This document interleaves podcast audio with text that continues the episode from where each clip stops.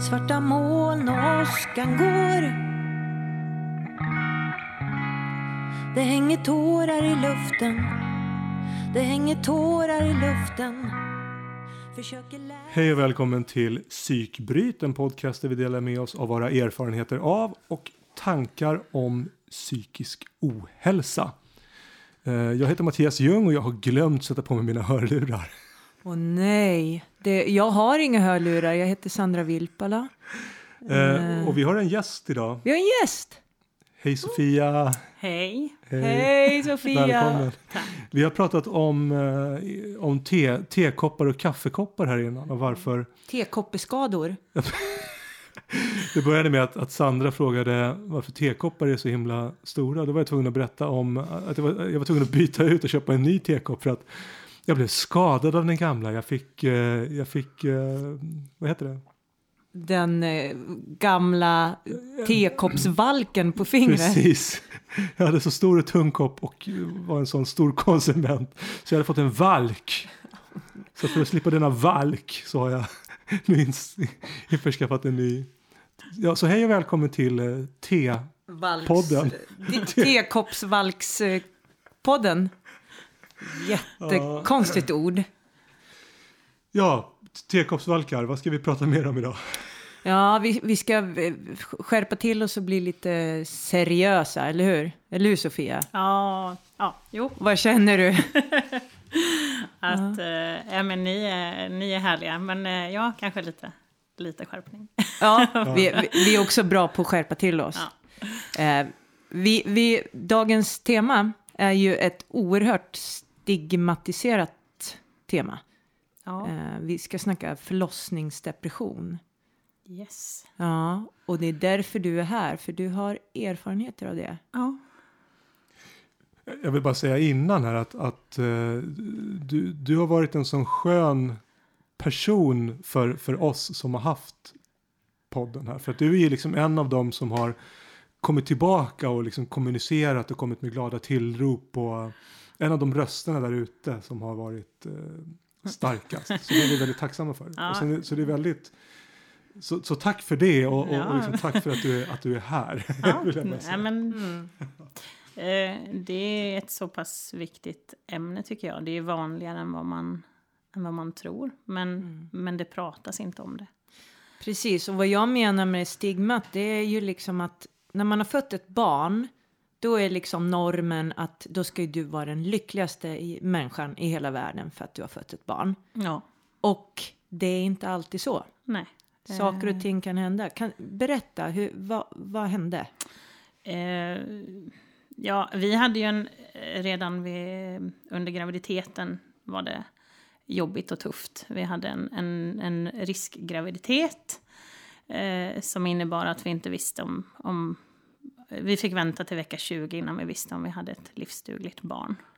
Okej. Eh, så, och gick på massa extra kontroller och sen... ehm, ja, när vi väl hade passerat vecka 20 då, då vet jag så här, vi klev ut för vi... Jag och min man, vi, vi hade en period då vi inte ens pratade om att vi väntade barn. För att det var så, så jobbigt. Med, med varandra eller, Med eller med varandra. omvärlden? och sen, Okej. eh, sen var det så att eh, omvärlden...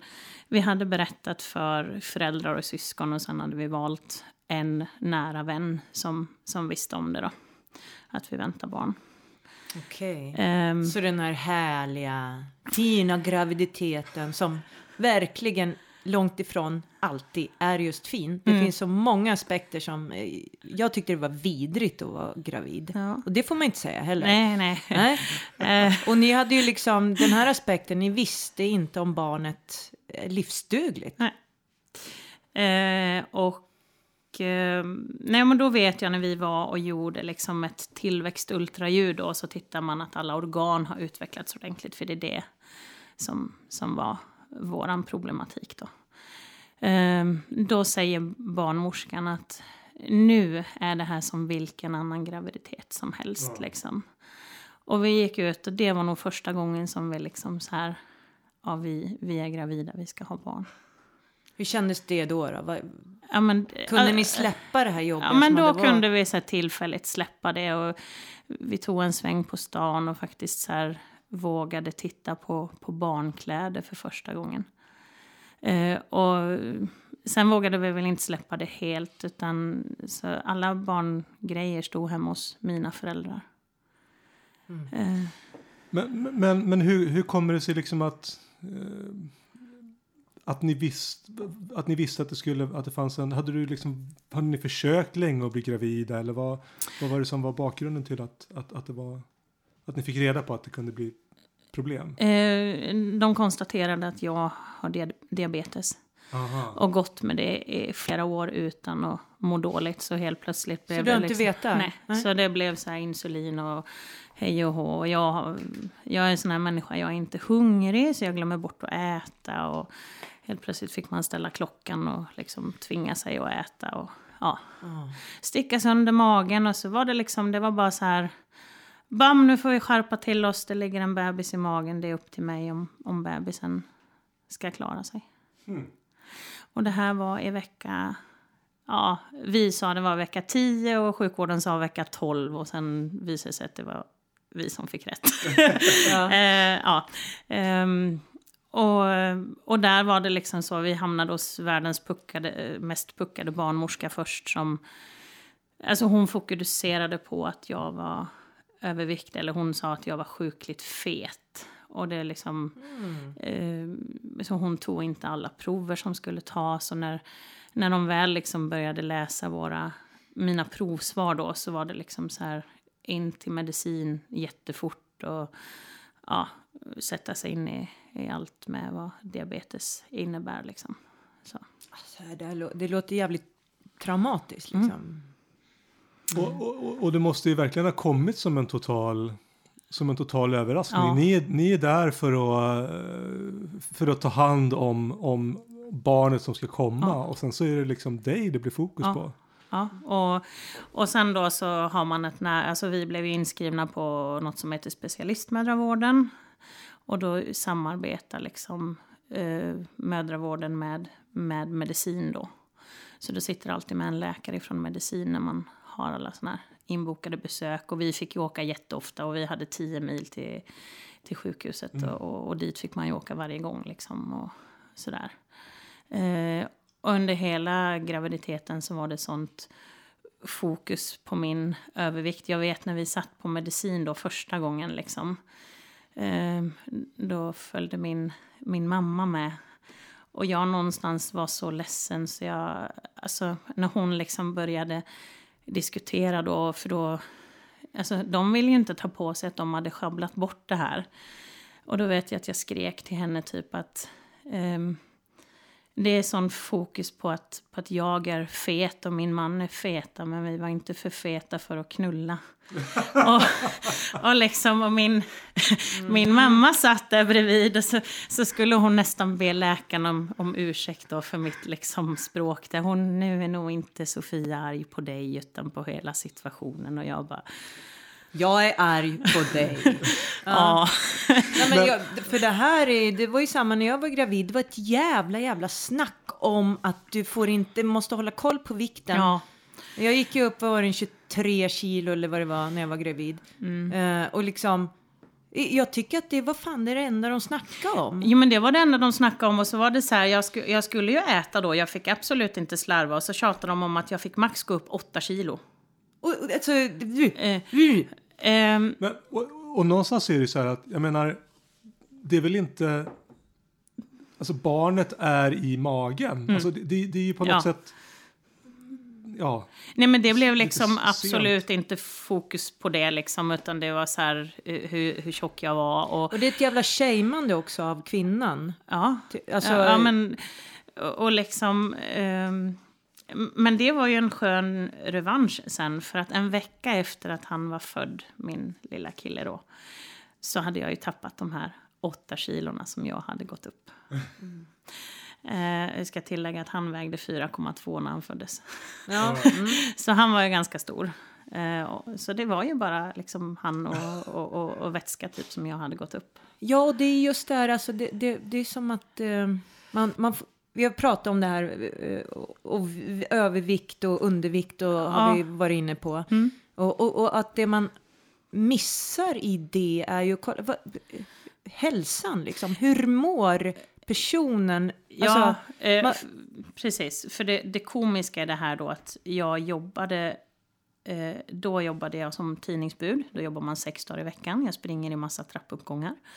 Sen jobbade jag i djuraffär där man, god fysik med andra eh, ord. ja, där man står och går hela dagarna och släpar liksom massa tunga fodersäckar. De väger ju typ 15 kilo styck. Och så får du hem fyra pall om dagen. Och Kanske så här 20 säckar på varje. Och det, det lyfter man och släpar och bär. Liksom. Och man bär åt kunder som inte kan bära och lyfta själva. Och, M- Men det var liksom så här, nej men det fanns inte. Jag kunde inte ha god fysik för att jag var överviktig enligt dem. Och jag har, Och det är liksom, det här är läkare och, och professionella som helt uppenbart snackar utifrån fördomar här Ja, ju. För de har ju inte besvärat sig att kolla nej, din fysik eh, liksom, nej. eller hur? Nej, precis. Ehm, nej, men och sen efter det här positiva beskedet då, så gick vi ett tag och sen så konstaterar man att eh, jag hade drabbats av havandeskapsförgiftning. Boom! Eh, yes. Vad hände där då? Berätta. Ehm, nej, men då var det ju så här, de... de ehm, då talade de ju om att liksom... ehm, det, det kan ju bli farligt för mig då och sen indirekt för barnet. Liksom. Och jag vet det här var strax före påsk då så då fick vi åka på massa extra kontroller. Och på påskafton fick vi åka in på morgonen för då skulle de kolla blodtryck och man skulle lämna urinprov och alltså ja, det blev massa liksom extra. Och då vet jag, då kom det in en det var nog den skönaste läkaren vi har träffat. En utländsk man som, han var så mån om att vi skulle förstå vad han pratade om.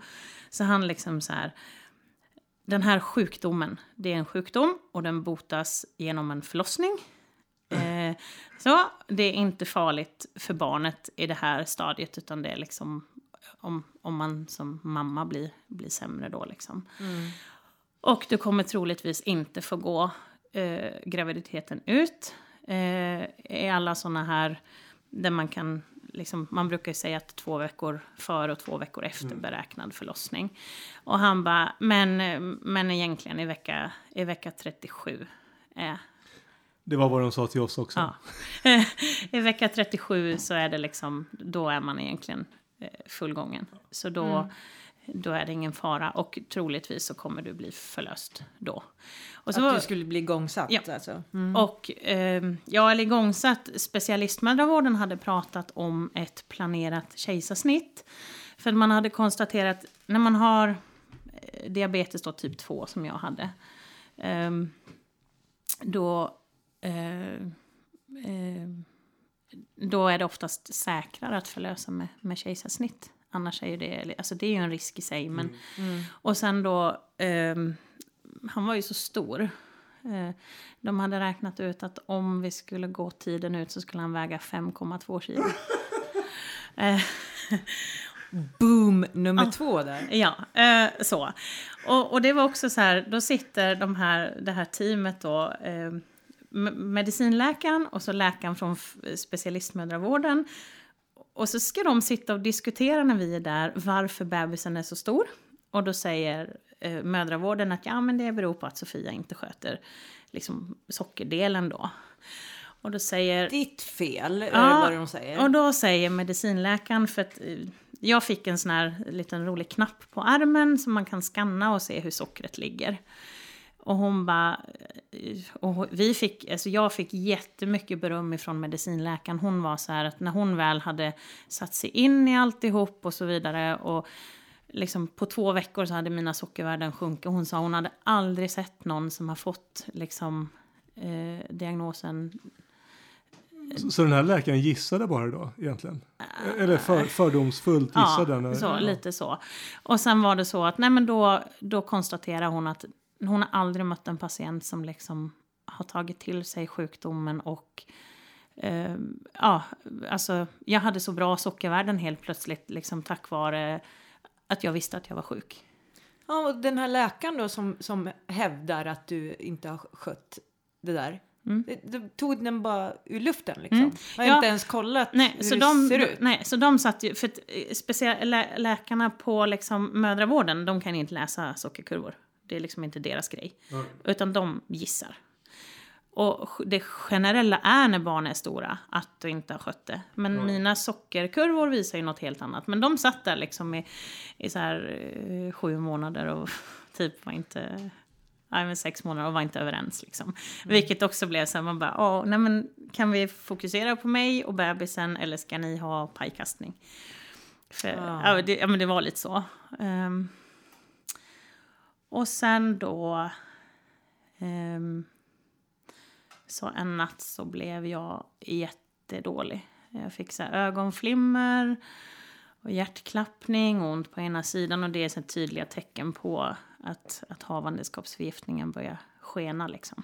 Och hur långt in i, i graviditeten var det? Då var jag i vecka 36. Jaha. Nej, 35 hade vi kommit till. Ja. Okej, så lite för tidigt, eh, alltså inte bra alls. Nej. Inte bra alls. Eh, och så ringde jag in till förlossningen och talade om då. För då hade läkaren sagt också, den här som vi hade träffat vid påsk där, att blir du sämre då ska du in med samma. Då ringer du och så kommer du.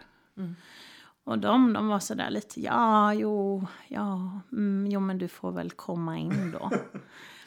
Ehm, och det var också så här för att eh, under graviditeten en gång så hade jag blivit Ja, jag trodde ju att jag hade jättekraftig influensa. Och så hade jag känt att barnet inte hade rört på sig.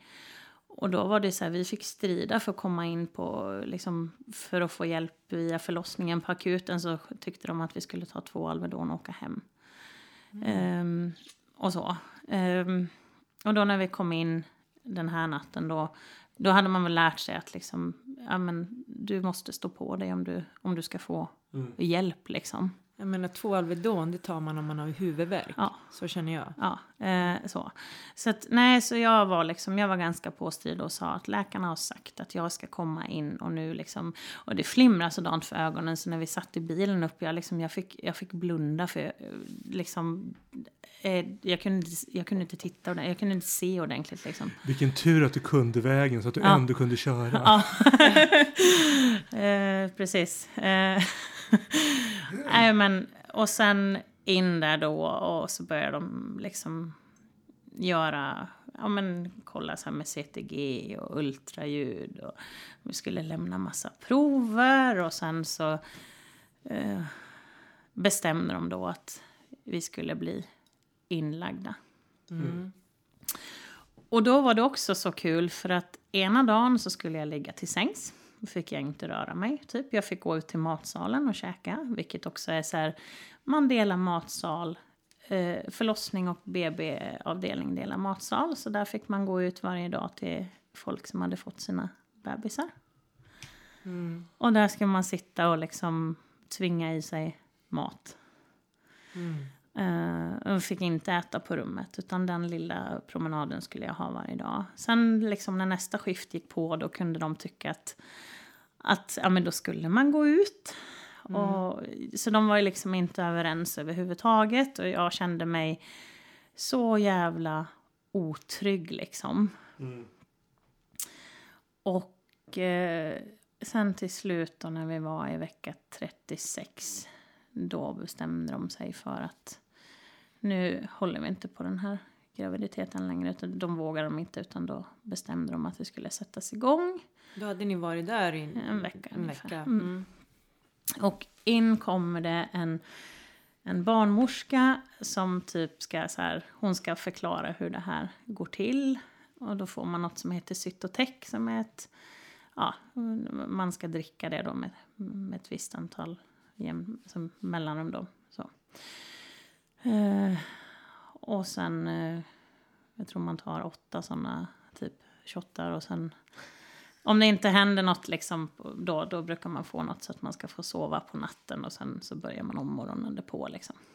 Varför får man det här uh, cytote- Varför får man det? Är det för, Det får sätta igång. ah, ja, men eh, så då tänker de sig inte ett kejsarsnitt? nej, helt plötsligt en- så var det okej. liksom så här. Jaha, då In- var det yes. inte aktuellt. Och då liksom, och vi frågade ändå liksom sa så att ja men de har ju pratat om kejsarsnitt liksom. Nej, bäst är att föda naturligt. Men, men det låter ju som om det finns Ja, ja, jag... Nu har vi liksom inte kommit dit i historien än, Nej. men det låter ju som om det har varit en väldigt stressande graviditet. Ja. Det låter som om du inte har kunnat känna dig trygg i många minuter. Nej. Du har, det startar med, med en osäkerhet om, om det ska kunna bli ett barn eller inte. Mm. Och sen så, så, så kommer det på något sätt chock efter chock Mm. efter dåligt Ja. besked efter och, och, och sen Ja. den här tvivel, Ja. eh, oklara, oklara instruktioner. Ja. Och, Eh, så jag vet där på natten, då, då satte jag mig upp på natten och grät och sa nu vill jag åka hem. Jag vill inte vara kvar här längre. Och då kom de in där lullandes i sina vita rockar och skulle klappa mig på huvudet och tala om att det var ju typ inte bra om jag åkte hem ifall att vattnet skulle gå. Och jag liksom bara, ja, fast, för det var så här helt plötsligt så hade, de- kom de in så här, då var klockan 11 och bara, nu får ni byta rum. Då skulle vi så här packa ihop och vi hade så här, ena natten varit inne på förlossningen och nästa fick vi flytta till ett BB-rum. Vi fick liksom inte ens ha ett rum utan vi blev runt skjutsade liksom. Eh, och morgonen därpå, klockan nio på morgonen så går vattnet i alla fall. Barnet är fött... Klockan två på natten sen. Okej. Mm. Mm. Så från klockan tio på morgonen så hade jag så jättetäta verkar. Ehm, och jag vet, alltså, jag hade ju alltså... Grejen var att eftersom han är född för tidigt så var ju inte han, han låg ju inte fixerad, han hade, låg ju inte så långt ner som han skulle. Och så får man verkstimulerande dropp då.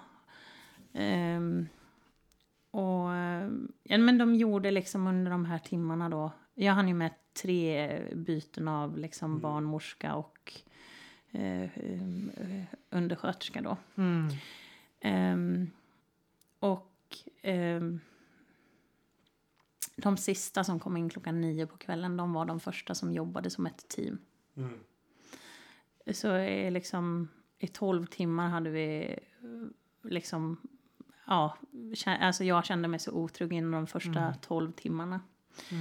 Ehm, och hela den här karusellen som blev ledde till att vi fick träffa chefen på barnmorske, alltså barnmorskechefen.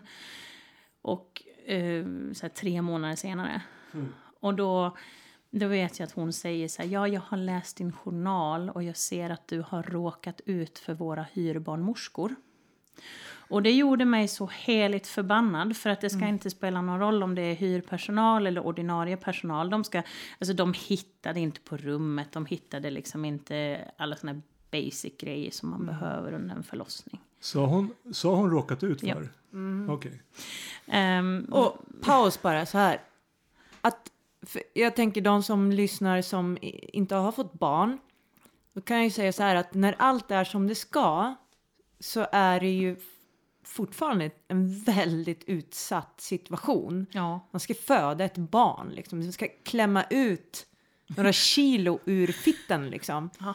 Ehm, och, och, när man gör det första gången dessutom så, så är det ju liksom, man har ju, man, man, man, kan, man kan ju bara liksom föreställa sig ja, och förbereda sig så gott det går. Och här har du liksom vittnat om, det är så många stresspåslag i den här historien så det liknar ju ingenting. Och, och det, det man måste känna när man föder ett barn, det är trygghet. ja. Men det fanns inte och, och, och min man fick springa, springa runt och, hjälpa personalen med grejer som inte de liksom... Jag menar han ska ju vara eh, vid min sida liksom. Ja, fokus. Ja, nej men och sen då de här sista som kom in. ehm, ehm, alltså jag, då hade jag sett tre timmar innan, för det här var klockan nio på kvällen de gick på då. Vid klockan sex ungefär på kvällen hade jag då vet jag att jag så här hade andats för djupt i lustgasmasken så jag försvann medvetet. För jag bara kände så här, nu orkar inte jag mer. För jag hade så, alltså jag hade ju, mm, folk brukar prata om så här två minuters verka liksom att då så. Och det hade jag från klockan tio på, mor- på morgonen då. Så jag hade ju hållit på med det liksom åtta timmar. Eh, jag, Det finns en gräns för vad en Ja. kropp kan klara av. eh, jag hade så lågt socker, så jag vet, så jag har läst min journal och då står det så här, vi frågar, för jag, jag hade ju koll på sockret själv hela tiden. Och jag vet att där någonstans så står det så här, vi frågar hur sockret ligger och Sofia bara sluddrar. Men det var ingen som liksom... Och då vet jag så här, då, då andades jag. Och jag, liksom, jag vet att eh, min man här, ta bort masken nu liksom. Och jag bara fortsatte och sen, sen bara försvann jag. Och då blev det ju så här stora larmet liksom in. Och jag vet att jag sa det så här, men han, liksom, bebisen rör inte på sig ordentligt och jag är trött, alltså jag orkar inte mer, jag vill ha ett kejsarsnitt. Det har ni ändå pratat om. Mm.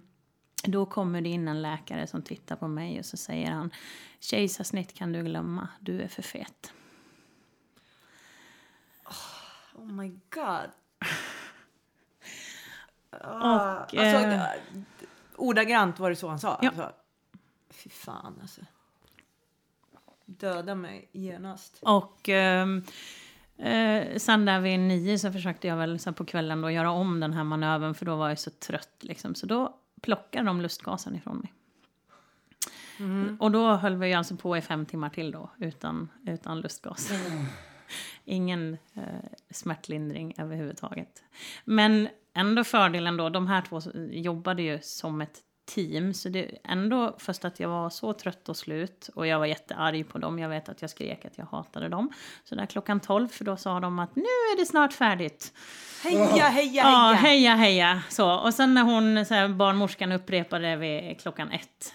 Nu är det snart färdigt. Jag bara, det sa du för en timme sedan. Jag hatar dig, jag hatar er. Shut the fuck up! Lite så. Och sen två minuter över två så föds en blå, livlös liten kille. Åh. Åh herregud. Och eh, jag bara ser så här, jag, jag hör när de här två börjar prata med varandra. Ehm, och jag förstår att någonting inte stämmer. Mhm. Och så ser jag hur de trycker, alltså man har ju sett sådana här sjukhusprogram när de trycker på den här liksom larmknappen. Och när jag ser undersköterskan gå fram och trycka på den här så liksom, då bara, nu är det slut, nu är det färdigt. Mm. Och in, alltså jag skojar inte, de kommer ju alltså ifrån, eh, det är ju från, eh, eh, ja det kommer ju en hel drös med läkare in i rummet. Det, är liksom, det är ju typ tio personer som bara myllrar in. Mm. Eh, och då har jag liksom, och så ser jag hur de håller liksom det här blåa barnet liksom. Eh, och sen så är bara rummet tomt och så jag hör hur de säger pappan följer med oss. Och alltså man är, för det första är man ganska utlämnad när man ligger i den här jävla sängen. Och sen liksom helt ensam och rummet blir... De bara drar hela gänget. Det var, var det ingen kvar hos dig? Nej. Herregud. Eh, och sen så efter en liten stund så kommer barnmorskan in och så säger hon ja jag ska se om du har spruckit, om du behöver sys. Och ingen information om Nej. vad som händer. Nej. Och så syr hon och sen så, sen så, jag tror att hon kommer på liksom för då ehm, så, eh, så öppnar hon dörren. Och så, så vet jag att hon säger så här, Sofia hör du att det är ett barn som skriker? Mm. Ja. Ja, det är ditt barn. Mm. Han skriker och nu ska de ta med honom upp till neonatalen. Och så kommer du få åka dit sen. Och Men, men, men du, fick inte, du fick inte barnet till, Nej. till vi fick Till inte, kroppen, eh, fick okej. inte hålla honom utan de direkt då liksom upp till, till nio då. Och sen strax efter fem så är det första gången som jag ser honom för jag var ju så slut och jag kunde inte, alltså jag kunde inte gå själv om vi säger så. Det var ganska många stygn som Mm. Eh, och så vet jag att min man fick eh, valet då liksom om han ville följa med bebisen upp eller om han ville tillbaka till mig. Och han var så här, ja men jag vill tillbaka till Sofia, jag vill berätta att, att Mm. bebisen lever och alltihop. Och han har ju sagt, han har ju, han har ju liksom, han har ju berättat hur det såg ut i det här rummet och han bara, han var mest fascinerad över att läkaren som kom ifrån Neo gick fram och handhälsade och sa grattis pappa och sen så liksom så här tog hand om barnet och sen så här, två sekunder senare så skrek ju bebisen. Liksom. Eh, han bara att de så här, törs vara så coola ändå. Liksom, eller, ja. Ehm, och så vet jag, vi hade så här, den lilla väskan vi hade packat så låg det en filt och en liten kanin som vi hade köpt. Och så tog vi med det upp. Vi visste ju inte ens om vi fick, fick lämna det liksom. Och sen var det ingen som hade förberett den på vad man skulle se där uppe. För han låg i ett övervakningsrum. Med, det var sladdar och slangar. Alltså det, man såg hans ögon. Mm. Och så, så satt jag i en rullstol och liksom så här, frågade om vi fick lämna den här lilla kaninen och den här lilla filten. Och, eh, eh, och liksom neopersonalen då, de har ju liksom varit helt fantastiska. Mm. Men de på förlossningen och BB, för att vi fick bo nere på BB. Eh, jag bor ju på en ganska liten ort, så ett litet sjukhus. Så på neoavdelningen finns det liksom två rum att sova i. Så är det fullt, då får du vara kvar på BB. Mm. Eh, och jag kunde ju inte liksom gå ordentligt. Men dagen efter slet de rullstolen ifrån mig. Då, fick jag, då skulle jag gå själv. Här har vi ju liksom eh, det reella, liksom verkligheten när man drar in på liksom pengar Ja. till förlossningsvården. Ja. Eh, det stängs ju ner BBs och det, alltså, Ja. det Eh, håller ju inte. Det nej. föds barn. Mm. Nej, men jag vet att när jag träffar barnmorskechefen sen då när liksom, och det var nog innan jag egentligen fattade fullt ut liksom hur deprimerad jag hade blivit. Men då vet jag att jag sa så här att om jag skulle våga göra den här resan igen. Om jag skulle liksom våga bli gravid. Eh, om jag så står höggravid här och vattnet går. Så sätter jag inte min fot på din förlossningsavdelning igen. Mm. För vi kan välja, vi, vi kan alltså, vi bor så, så att det finns liksom två sjukhus att åka till. Det är typ lika långt. Men eftersom vi var inskrivna på specialistmödravården på den här orten så var det liksom, det var ju därför vi valde att föda där. Ja. För att de skulle vara med och de bara försvann. Mm. Och sen var vi två veckor på neo där man liksom så här, de bara kabang, han, eh, de upptäckte då att han krampade och så gjorde de massa så här nål-EEG och när de gjorde det fjärde nål-EEG då orkade inte jag vara kvar, då gick jag. Det, alltså det var liksom så de hade gjort ett och så plockade de bort och så så, ja nej vi behöver göra ett till och så skulle det tolkas i en större stad hos de som är liksom specialister på det här och så säger de han haft en hjärnblödning under förlossningen. Mm. Ja, eh, okej. Ja, och eh, så fick vi liksom dra ur svaret där, men då säger de att tre till fyra år kommer det ta innan vi vet konsekvenserna av det. Det innebär att, att våran son kan få inlärningssvårigheter, bland annat. Och det är en konsekvens av den här långdragna Ja, förlossningen. yes. Mm. Ehm, och sen eh, tack vare att vi var på neo ska jag väl säga, för då de, så upptäckte man att han två hål i hjärtat. Mm. Och det var liksom så här, vi skulle ner och göra magnetröntgen på skallen. Och så kommer läkaren in och säger du, vi vill skicka er till, till barnhjärtläkaren för det är något som inte stämmer. Och man liksom bara så här, vi, vi tittar på varandra och jag vet så här, jag, jag sa det till, eh, ja för mina föräldrar var ju på besök och hans föräldrar var på besök. De är ju de, alltså far och morföräldrar är de enda som får komma in på neo. Syskon då, alltså om, om barnet hade haft syskon. Liksom. Det är så jättestrikt och du får inte ta in ytterkläder och du får inte vara det minsta förkyld och du måste spruta händer och ja. Eh, och då vet jag så här, för de där rummen är ju inte stora och så är de möblerade med två sängar och ett gigantiskt skötbord och värmelampor och så du har liksom en trång gång att gå på liksom. Eh, och så vet jag att jag sa det, folk brukar skoja om att första julen man firar ihop som par, det är då det liksom så här testas hur man liksom, men jag bara stäng in dem på det här jävla rummet så ska vi liksom se om de överlever en vecka. Det var så. Alltså, och ja. Och så var det väl så där, de var jättefina personalen. Men eh, han sondmatades och så skulle man försöka amma och de var och slet och drog i en och det var liksom värsta proceduren. Han skulle ju vägas naken och så skulle, han, skulle man på med blöja och så skulle han äta och så skulle han vägas efter en stund. Och så var de och drog liksom i, i mig och de drog i honom. Och det var, jag vet att efter en, en och en halv vecka så satt jag och kött och sa att nu vill jag åka hem. Nu orkar mm. jag inte mer.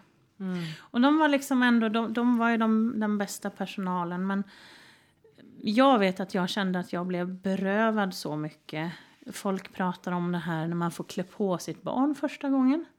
Första gången han ens fick ha kläder på sig det var för att vi skulle gå i sjukhuskulverten för att göra den här magnetröntgen. I de flesta barnkläder idag är det metallknappar. Och i kulverten är det kallt så där och så skulle han liksom, så då var han ju tvungen att ha kläder på sig. Mm. Mm. Då slet de fram, liksom, de hade ju på avdelningen då kläder. Det var sen, jag kommer ihåg en randig urtvättad Bamse-tröja med alltså, plastknappar, tre nummer för stor. Mm. Det var liksom vad de så här, det var det enda som, han, liksom, som fanns som inte var metallknappar i. Mm. Och det var liksom så det var knappt ens att jag fick klä på honom för det var så stressigt då liksom. Mm. Man tänker sig den här första viktiga anknytningen. Ja. Liksom, när... ja. Och liksom när han hade legat med såna här sladdar och slangar då fick man inte röra honom hur som helst. Och... Så det slutade med att vi satt där liksom och, och tittade och liksom sjöng sånger för honom för vi vågade inte röra honom. Mm. Uh, och, och när de så här, han blev ju skallig av de här um, nålarna de satte i huvudet för de, man sätter dem med tejp. Och bero, alltså, de, när de drog bort dem liksom, så lossnar ju håret. Och sen kan ni tänka om man har gjort det fyra gånger så har man inte så mycket hår kvar. Mm. Um, och, och, jag vet när de gjorde sista då sa jag så nu vill jag att nålarna sitter kvar. Hur länge kan de sitta kvar? Mm. För jag pallar inte att ni ska ta bort det här, slita bort tejpen och så kommer ni om en dag till liksom, och säger att ni ska göra ett nytt. Mm. Så då mm, var det så att de kunde sitta i typ två dygn.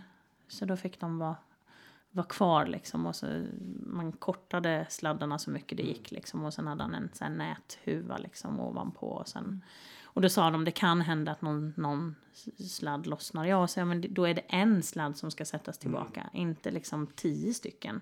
Mm. Typ, för det var ju liksom det det handlade om.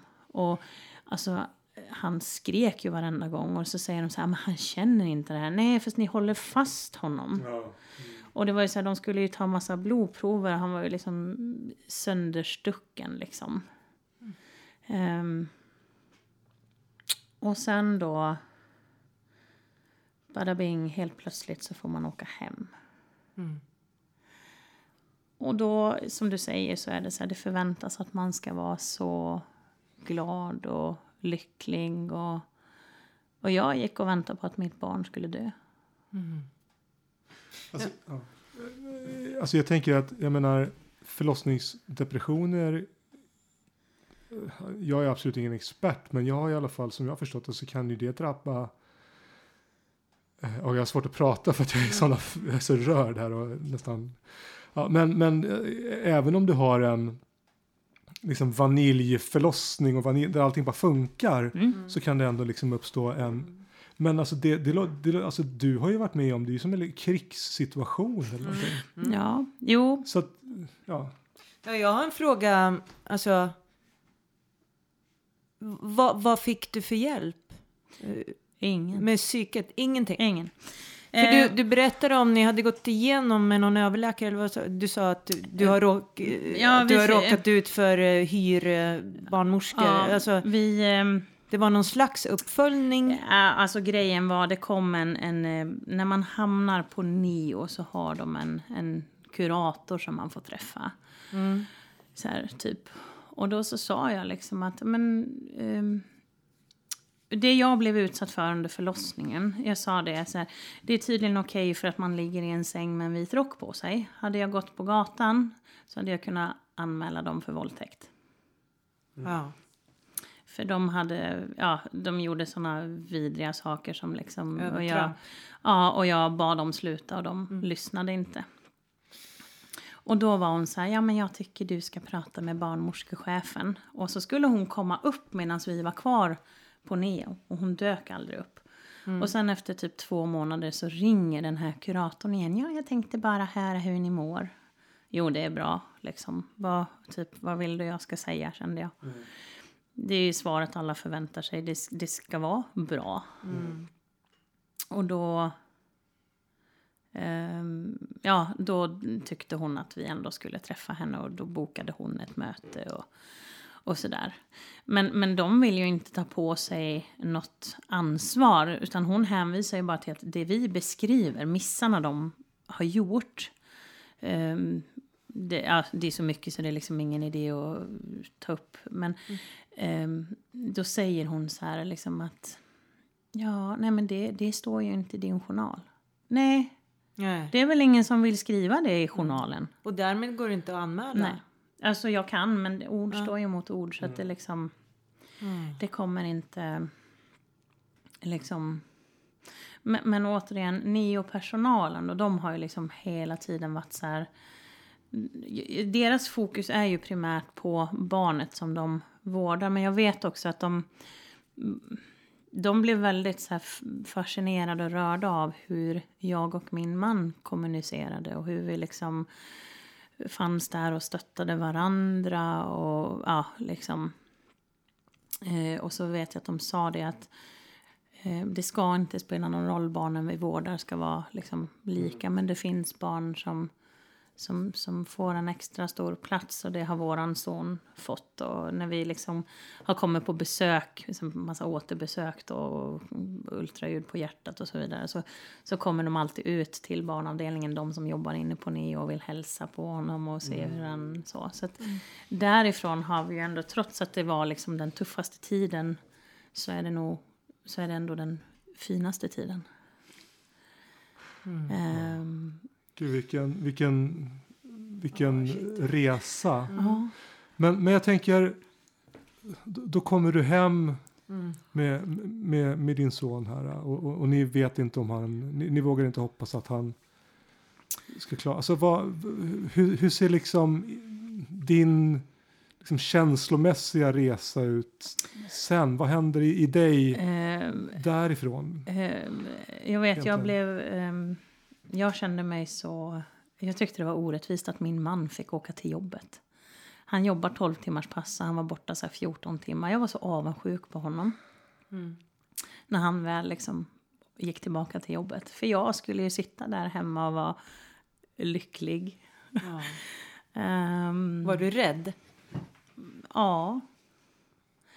Ehm, och sen när man går till liksom BVC för att undersöka barnet, så man väger ju och mäter och så vidare. Då ska man ju typ så här första eller andra besöket få fylla i ett papper om hur man mår. Det fick jag fylla i efter fyra månader. Då kom de på att de hade glömt det. Så det var först då som de sa ja du kanske borde träffa våran psykolog. Okej. Men, men hade du varit deprimerad då i, i fyra Ja. månader? Åh herregud. Ja, alltså, Hur först- yttrade sig det då? Hur, hur, eh, hur såg det ut liksom? Ja, men jag var ledsen. Mm. Alltså jag kunde ju gråta för liksom ingenting. Jag orkade inte göra någonting. Alltså sen var det väl så här, alla förväntade sig att man gjorde så jag gjorde ju bara för att... Ja, för att det förvänt- Plisa andra på något vis? Ja, men lite så. Mm. Och sen... eh, mm, Jag vet då när... eh, För han är född i, i april. Och i augusti då när jag fyllde i det här pappret. Då säger också hon, sköterskan där på BVC att ja, ja men jag tycker så här, jag ska skriva en remiss då så du får träffa våran psykolog. Men det är väntetid så det kan ta ett tag. Mm, just det. Bara något år eller så? Ja, men eh, det tog en vecka så hade jag en tid. Ja, vad Ja. Bra. Men Mm. då kommer man till återigen då att jag bor på en liten ort, i ett litet landsting. Hon sitter typ och har halva landstinget själv. Mm. Så när vi så strax före jul kommer till... För vid jul, då hade jag och min man, då kände vi båda två, då hade vi kommit så långt att vi liksom... Jag vet, jag kom ner en morgon, han hade haft våran son på natten då, så tagit hand om honom, så de hade gått ner så att jag fick sova. Och Och så kommer jag ner och så säger han så här, jag har haft ett snack, säger han, med våran son. Och jag bara, ja, ja, så här. Ja, vi har bestämt att han är här för att stanna. Och då som först inser jag också hur dåligt min man har mått. För det glömmer man också bort. Det är ju så, eh, alltså papporna. Ni är de- två, ni ja. två om det där. Liksom. Mm. Eh, Jag kan ju känna att papporna också kanske borde få fylla i något form av papper. Hur, ja, men hur de mår. Eller partner. Ja, Mm. Eh, så. Nej men då var det så att... Eh, eh, nej men då så, så fyra månader och så typ besök var tredje vecka för mer tid än så fanns inte. Och då när jag så kunde definiera att nu trodde jag inte att han skulle dö längre. Då, då skulle vi avsluta den här kontakten.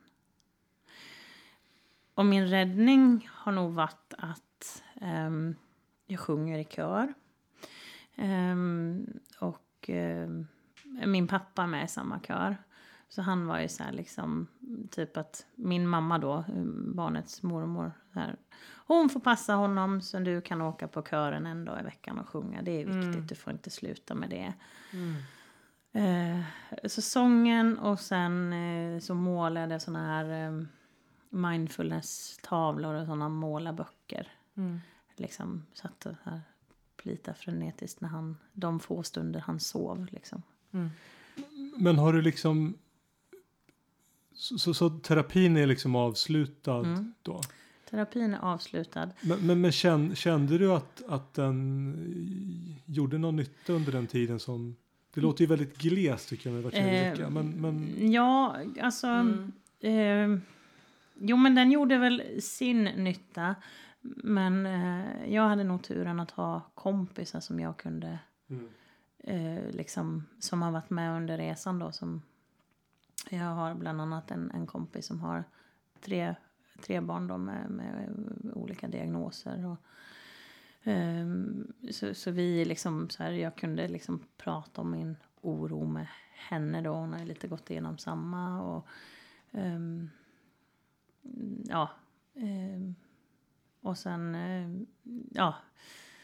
Andra som, som liksom mm, via typ Facebook för att jag uppmärksammade Hjärtebarnsfonden bland annat hörde av sig. Men tjena, ditt barn har samma hjärtfel som mitt barn. Och så. så. Eh, Prata, gott folk. ja, Det är ju the shit. Ja, jo men och sen ehm, eh, så... Jag kom ju aldrig liksom... Jag kunde inte amma mitt barn fullt ut även om jag ville det. Så jag, jag fick med sig så jag kunde pumpa liksom. Så när jag, vi lämnade Andning är ju en annan diskussion Ja. också.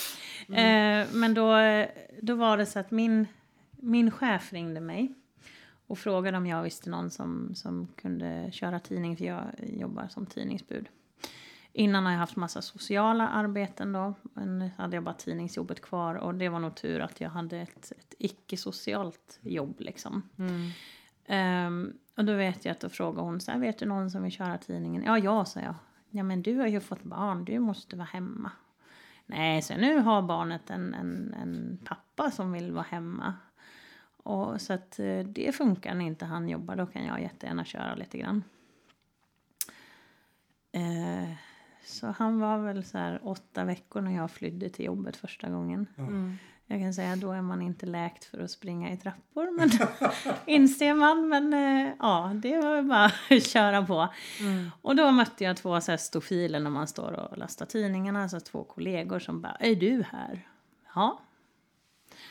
Och då så två medelålders män som talar om för mig vilken dålig mamma jag är som väljer att lämna mitt barn. Eh, och jag bara, Vackert. jag bara, "Ja, fast Shut the fuck up, gå och föd barn själv, gubbjävel. Eh, jo, men då, Sen kan vi snacka. Ja, och då så säger jag liksom så, ja fast barnet har ju en, en pappa som vill vara hemma. Men ska du behöva stå och försvara dig? Det är ju så jävla sjukt. Och när jag hade kört alltså, tredje natten då bara kände jag så nu orkar inte jag mig. Alltså någonstans liksom så... Ja, jag sa väl inte rakt ut att jag mådde dåligt men jag tror att tankarna liksom så här snurrade i mig liksom. att det var en flykt, eller liksom skönt att få åka till jobbet lite grann så. Mm. Och då vet jag så här, då, då ringer jag min chef och säger så här, jag kan jättegärna ställa upp och köra. Eh, men jag, liksom, jag har ingen lust att stå och försvara för de här varför jag gör det. Mm. Och då sa ja men de menar nog inget illa. Och hon var liksom så här, du vet, och jag bara, nej men ska det vara så Då ska här? de försvaras. Ja. Du ska försvara dig och när du... Alltså, hör ni, hör ni, hör ni hur jävla illa det här? Hur Ja, och, och, fucked liksom, up där? och jag kände så här, men han, äh, min son är född då, tju- 2017 liksom. Och man bara så här, 2017 ska vi fortfarande liksom, så är det inte accepterat att man delar liksom föräldraledigheten. Nej, för då är du en dålig mamma. Ja. Ehm, och sen tack och lov så nåddes vi av beskedet att vår chef skulle sluta. Och eh, våran, hon som har varit chef på natten då, om man säger, skulle gå upp och bli chef på dagen. Och så eh, mitt i detta så här efter att eh, våran son är född så ska vi gifta oss. Vi hade bestämt det eh, innan han var född och bokat kyrka och kantor för det var så jätteviktigt för mig, kyrka och kantor och, och sådär. Så vi hade bestämt att vi ställer inte in det utan vi liksom go for it. Och det var nog också en räddning att jag hade det och liksom så här, Ja, och man planera. måste dunka på med lite goa, positiva Ja, grejer. Liksom. Så. Och då vet jag så här, då, då ringde min, vår nya chef då, liksom så här, två dagar efter att vi hade gift oss. Hej, hej, ursäkta att jag stör i bröllopslyckan. Så här, Men hur var det, ville du jobba lite? Ja, absolut, säger jag så här. Och så sa jag det, men jag pallar inte. Alltså jag, så sa jag det, jag har sagt det till våran förra chef liksom att jag får komma dit och stå och försvara varför jag är här och jobbar. Och jag orkar inte det med allt som har varit. Och eh, Mia heter den här som är min chef då. Hon, eh, hon har varit ett jättestort stöd under graviditeten och, och, och sådär. Så att hon var liksom, nej men det är lugnt, det är ingen som, det ska de bara ge blanka fan i. Så hon, hon ringde upp dessa två herrar och talade om att nu kommer Sofia gå in och hjälpa till och köra och jag vill inte höra ett jävla ljud om att, att det liksom inte, utan det är bara så här, antingen kör hon eller så får ni jobba dubbelt. Så det är bara att välja. Att, det, att de ska behöva läxas upp, liksom. att de inte ska, kan förstå själva. Ja, men och jag Det vet så så här, liksom, sista gången då vet jag att då fräste jag ifrån och liksom så sa att nu är det så att jag är här för att jag har blivit tillfrågad. Det är inte jag som har ringt och sagt att jag vill utan Och oavsett, ja. Och så sa jag det så här, ni vet inte varför jag är här och jag tänker inte tala om det. bra. Så innan ni vet det så kan ni bara... Mm. Så. Nej men det var liksom så här, ja tiden kommer aldrig tillbaka. Nej, så jag förstår, det gör den ju inte för den, den andra För föräldern någon. heller liksom. Det, det är liksom det som är grejen med tiden. Ja. Den liksom bara rullar på. Ja. Och, och sen eh, någonstans... Kan vi prata om något annat? liksom. ja, och sen det sjuka med, med alltihop är också att eh, alltså som sagt vad jag kör morgontidningen. Små bebisar, de sover väldigt mycket första perioden. Så han, han sov ju när jag åkte till jobbet och han sov när jag kom hem. Och oavsett, Ja. whatever. Och- och- alltså, Ja, och som sagt var, hans pappa var, var hemma och vi hade ju diskuterat det liksom tidigt att, att han också ville vara hemma. Så att det är liksom... Eh, men liksom någonstans stå där och brottas med allt som hade varit under graviditeten, under förlossningen, när vi kom hem. Och sen då liksom behöva stå till svars för dessa två... Ja, eh, gubbjävlar. Ja. Men det var liksom, nej och då vet jag att um, köra tidningen och så köra liksom en tur man kan, det är ganska, ganska hjärndött. Det var ganska skönt liksom, den ska den tidningen. Jo, men man, man behöver ju en paus. Ja. Det behöver ju, alltså det, det är ju... Det behöver man ju oavsett, återigen om man liksom har en... en, en mer liksom va, vanlig situation Ja. så är det ändå påfrestande. Ja, oh ja. Och har man då haft den här, den här bakgrunden då blir de här pauserna ännu viktigare. Mm. Så att det är ju inte ett dugg konstigt. Nej. Nej, och då vet jag att eh, det var liksom... Nej, så det var, det var så skönt. Och så hoppade jag in lite, lite grann sådär. Någon, alltså någon natt ibland. Det var inte så att jag var borta varenda natt. Utan ibland. Och det, ja, det var så skönt. Och det får man inte säga som mamma. Ja, nej, det, det, ja. det är väldigt mycket man inte får enligt konventionen. Ja. Men det ska ju vi bara skita i. Mm. Eh, men jag undrar, förstod du att du var deprimerad? Mm, ja, jag tror nog egentligen, men jag försökte nog liksom trycka undan det. Mm. Så. Ehm, ehm, ja, Eh, utan liksom le och vara glad. Det var väl liksom, för det är ju så Sofia är. Så då, ja. Men någonstans och någon gång så har du ändå formulerat att eh, du drabbades av en förlossningsdepression. ja. När, när kände du att du kunde se det liksom? Det var nog, alltså jag erkände det nog för mig själv när den här BVC-sköterskan satt med det här pappret och skrynklade huvudet. Och, och hon var så här, Efter fyra månader? Ja, Mm. eh, för då var min svärmor med ner på BVC och då, det blev ju så här jobbigt för sköterskan då för hon skulle ju be min svärmor att gå ut då för att de skulle diskutera det här men hon visste ju inte riktigt hur hon skulle säga det och min svärmor bara vill du att jag ska gå ut en stund säger hon till slut så här. ja det vore nog bra. Så. Och då liksom så här, jag tror att du har drabbats av en förlossningsdepression. Ja. Och då var det ganska lätt att liksom erkänna det. När, när någon annan liksom så. Och så skulle man väl liksom så berätta det för folk runt omkring. Alltså de närmsta så. Och Mina föräldrar, det var liksom så här, ja det är inte konstigt. Och det sa väl mina syskon också, liksom inte med tanke på det ni har varit, varit med om liksom. Ehm, och ehm, så vet jag att ett syskonbarn till mig var hemma hos mina föräldrar. Och han hade... Ja, jag väntade med att berätta tills han hade gått ut och han var sex år. Jag kände så här, han kommer ju inte förstå vad, vad det här är liksom. De hade ju förstått att deras kusin var sjuk när han föddes, men ja, typ så. Ehm, men så vet jag att så här, lagom när jag har berättat det här för mina föräldrar så, så brister det liksom för mig. Då börjar jag stortjuta. För då, liksom, då släpper det liksom. Och in kommer mitt syskonbarn och frågar varför jag är ledsen. För han skulle in och fråga liksom någonting och så, så hittade han mig gråtandes i deras kök liksom. Och då var jag så här någonstans så, så börjar hjärnan liksom jobba för högtryck. Så här, hur, hur förklarar man det här?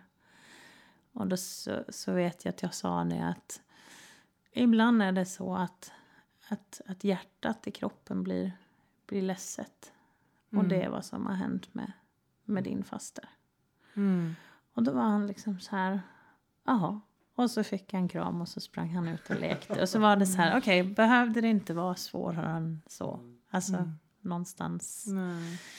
Eh, och där och då liksom så började jag väl ändå så här kunna eh, njuta av att, att vara mamma. Det var liksom så här, det var inte tabu att säga att man mådde dåligt och att allt inte var eh, eh, rosenrött liksom. Hur mår du idag? Jo men jag mår ganska bra. Mm. Eh, jag jobbar inte eh, fulltid, jag jobbar fyra dagar i veckan istället för sex dagar i veckan. Mm. Eh, ett självvalt beslut för att eh, de första åtta månaderna då liksom, ja först fyra månader var ju liksom innan man ens hade fattat att man typ mådde dåligt eller så, eh, erkände det. Och sen var det väl fyra månader till av, av oro och massa läkarbesök och ehm, och som sagt var där i december någon gång så liksom då, då slutade jag gå upp på natten för att titta att han andades. Mm. Jag var ju uppe alltså, flera gånger på natten och varje gång var jag tvungen att gå förbi hans spjälsäng och lägga liksom, en hand på honom Mm. för att känna att han, att han levde. Mm. Jag har ett friskt barn som är åtta, åtta år, Mm. men jag går in två gånger per kväll och kollar om hon andas. Mm. Trots, alltså, Ja, och jag vaknade nog så här, jag vaknade varannan timme på nätterna. mm. Så jag var uppe liksom och kollade att han, att han andades. Så jag vet, det var, han var inte så gammal så låg han och sov i en sån här rottingkorg på golvet.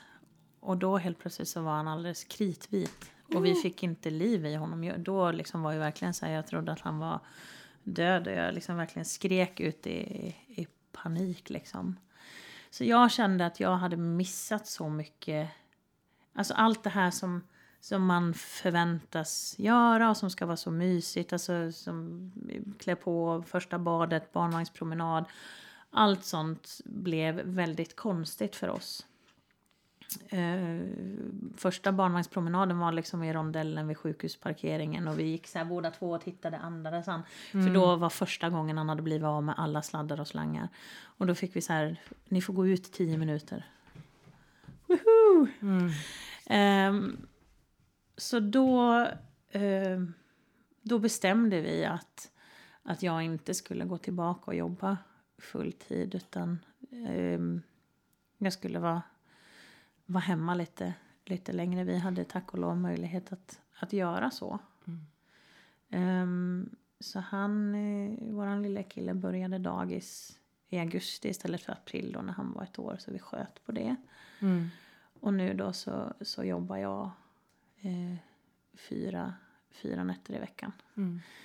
Men går det ihop det där du känner att eh, ni gick miste om från början? Går, går det att plocka ikapp eller igen det på något vis? Känner du Eh, det? alltså inte just de grejerna så. Nej. Men, Men man blir nog, vis, liksom. ja, man blir duktig på att liksom på annat vis eh, ja, ehm, ja, hitta liksom andra, andra sätt att så tanka närhet. Det är Mm. jätteviktigt. Eh, idag finns det en sån hel eh, nördig värld med, med bärsjalar och selar och jag nördar i den världen. Jag Mm. bär dem jättegärna i, i sjal. Mm, Det är jättemysigt. Um, Den fysiska kontakten är ju... fysiska fantastiskt kontakten. viktig. Ja.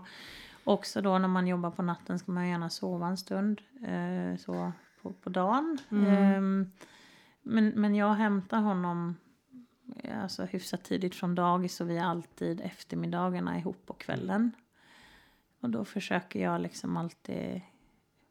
ehm, jag har nog blivit duktig på att lägga alla alltså de här måstena hemma åt, åt sidan. Jag försöker nog kanske hinna dem innan jag hämtar honom. Alltså här, Mm. Förbereda liksom, så att maten ska gå snabbt att laga.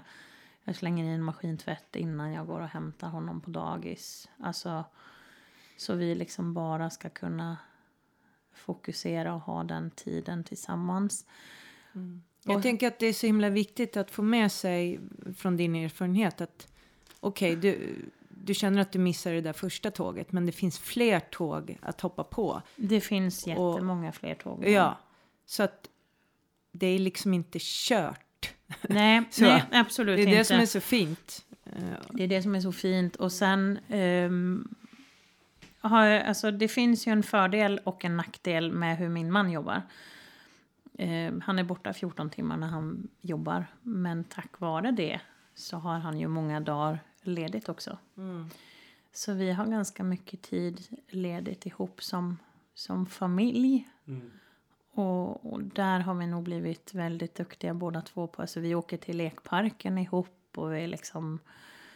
Ja, då, då gör vi saker oftast hela dagarna då med, liksom, med våran son i, i fokus. Och ehm, vi fokuserar på... För vi vet ju fortfarande inte vad det liksom kommer innebära den här med hans hjärnblödningar då. Men, men det är så, liksom han är, är våran son oavsett liksom vad, vad framtiden kommer visa och han, ehm, ja, vi, har, liksom, vi finns ju där för honom om han skulle behöva mer hjälp. Men just nu Mm. så liksom är det så här, han är ju inne i en period då han, alltså de utvecklas ju jättemycket. Och framförallt i vissa perioder. Nu var det så kul häromdagen kom jag hämta på dagis och då har han helt plötsligt någonstans ifrån, troligtvis ifrån mig, snappat upp hur man eh, gör slängpussar. För helt plötsligt så satt han i min famn och bara gjorde en slängpuss till dagispedagogen. Så. Och det var så här, oj, hej, vad har du? Så här. Och, och liksom, ja, och han, eh, man ser ju hur de utvecklar sitt, alltså sin förståelse för vad vi säger och, och liksom, det var så här, sista BVC-besöket så skulle han ju kunna åt, säga åtta ord. Nej, det kan han inte säga, men han förstår nog 15-20 saker som vi säger. Så han har inte tid att säga åtta ord liksom. Och vi har nog försökt, för det, barnen ska vara i så mycket, alltså det är, så här, det är jättebra att de här mallarna finns då man ska följa. Men, men liksom, Men det är inte hugget i sten. inte, liksom. nej, det är och det, slags- det är nog det vi liksom så... eh, Leva i nuet och... Ja. Mm. Jag tycker att det är flera gånger nu som som vi har pratat om förväntningar på olika sätt. Alltså Mm. förväntningar Ja. på hur en graviditet ska vara, förväntningar på hur en förlossning ska vara, förväntningar på hur du ska vara som mamma, förväntningar på det här barnet. Och det tror jag tror att man kan, man ska nog chilla lite med alla de här förväntningarna Mm. och försöka ta situationerna för vad de är Ja.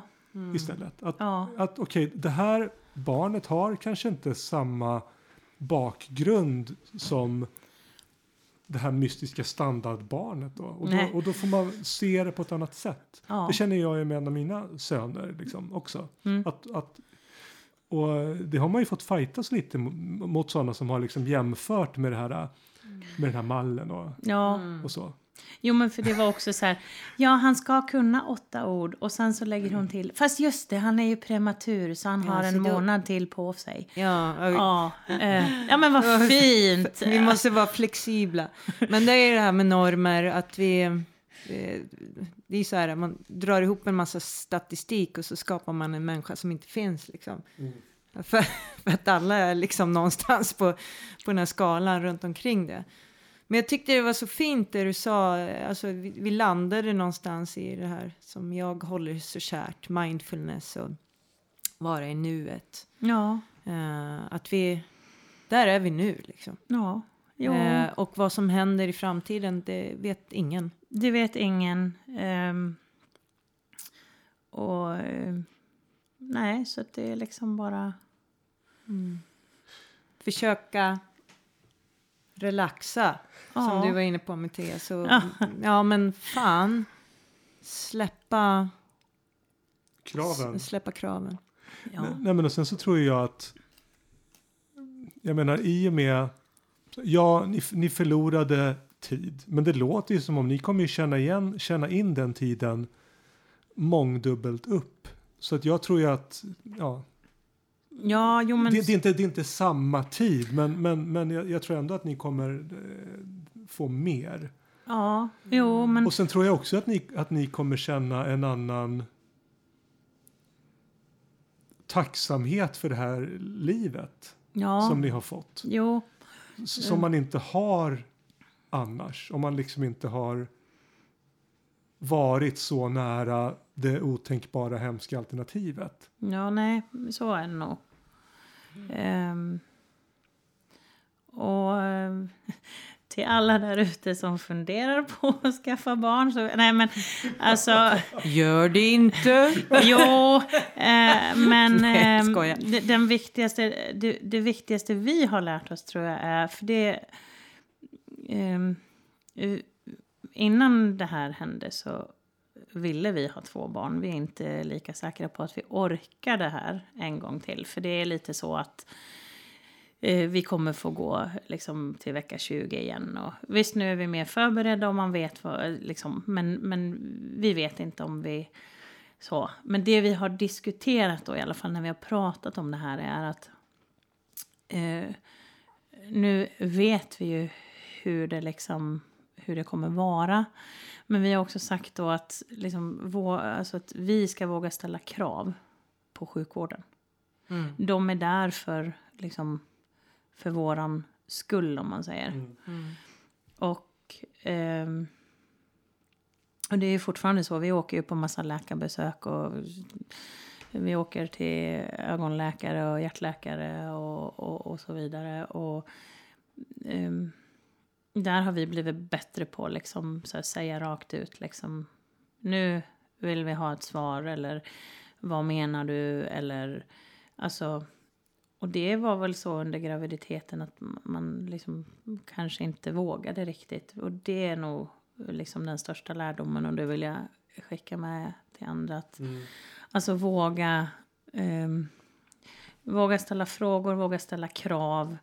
Och sen liksom även efteråt då liksom att efter en, en förlossning att eh, det finns hjälp även där och det är liksom det är din rättighet. Och det gäller ju generellt i vårdsvängen. Ja. Eh, ja. Ja, Det, man måste veta vad man har för eh, rättigheter, vad man kan kräva. Eh, jag som har varit i psyksvängen rätt eh, rejält liksom vet ju det. eh, att eh, ja, det, det hänger på en själv. Fast man är sjuk så är det, ja, det, det är lite fucked up. Men, ja men men så är det. Men alltså, ja, vilken historia Sofia. Vad fint och ett stort tack att du liksom kommer här och berättar om det. Det är modigt. Och jag, och jag tror att, alltså det, jag menar jag har inte varit med om det du har varit med om. Eh, men man kan ju ändå liksom känna igen vissa saker och vissa tankar. Så jag tror att det är många som har jag är glad att jag fick höra den här historien i, i den här detaljen som Mm. jag har fått göra. Vi har, ju, vi har ju pratat lite så och jag har ju liksom fått, ja, fått en bild men inte, inte liksom så här detaljerat. nej. Så, så det är jag ju väldigt tacksam för. Jag tror att det, det är en, en historia som mår bra av att höras. Mm. Mm. Jo men Så stort tack kära Ja. du. tack själva. Yeah! Ja, ja men då, då säger vi så. Vi säger som vi, eh, som vi brukar att ni ska Ta hand om er. Ja, och, och ta det lite lugnt där med, med, med kraven. Relax. ja, all, Nu flåsade jag min uh, snuskaffande direkt på Mattias här. Vi sitter här och gosar i samma mick. för- fördärvat mitt, mitt puffskydd här. Fan Sandra. Ja, nej men eh, ta hand om er eh, och all, ja, Ja, puss puss, puss och kram. så hörs vi. Hångla loss, hej då. Hejdå. Det hänger tårar i luften. Det hänger tårar i luften. Det hänger tårar i luften. Det hänger tårar i luften.